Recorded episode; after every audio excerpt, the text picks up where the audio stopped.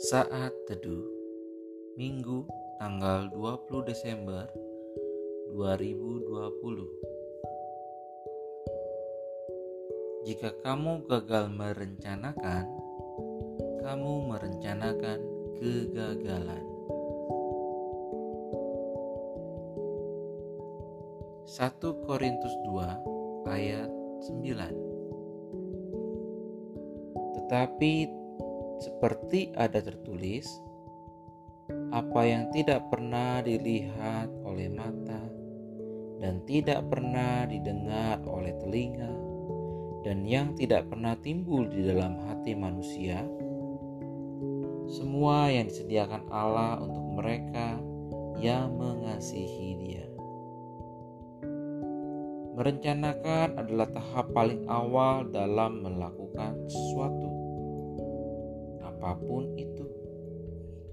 Jika kita mengerti quote di atas, betapa penting sebuah perencanaan itu.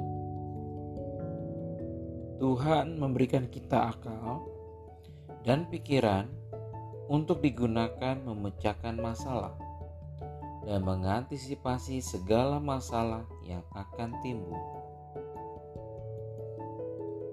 kita dapat merencanakan segala hal yang akan kita jalani di depan kita.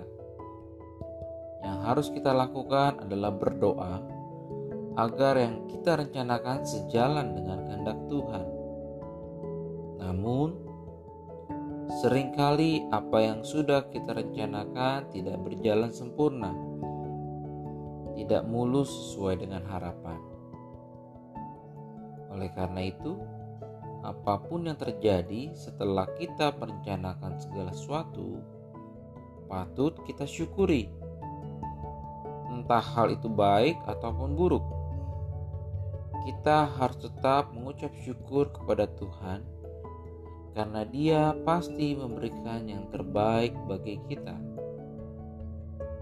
Harus kita sadari bahwa Tuhan turut bekerja dalam segala sesuatu untuk mendatangkan kebaikan bagi kita.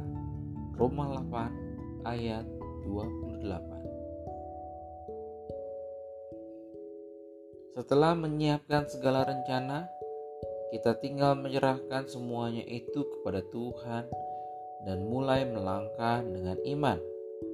Di situ kita akan melihat bahwa Tuhan sanggup mencurahkan kuasanya untuk memberikan apa yang tidak pernah kita pikirkan sebelumnya.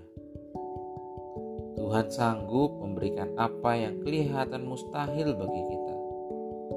Dia sanggup mengadakan yang tidak ada menjadi ada. Oleh karena itu, jangan khawatir, karena apa yang ada di masa depan kita dan apa yang akan kita hadapi di dalam hidup kita.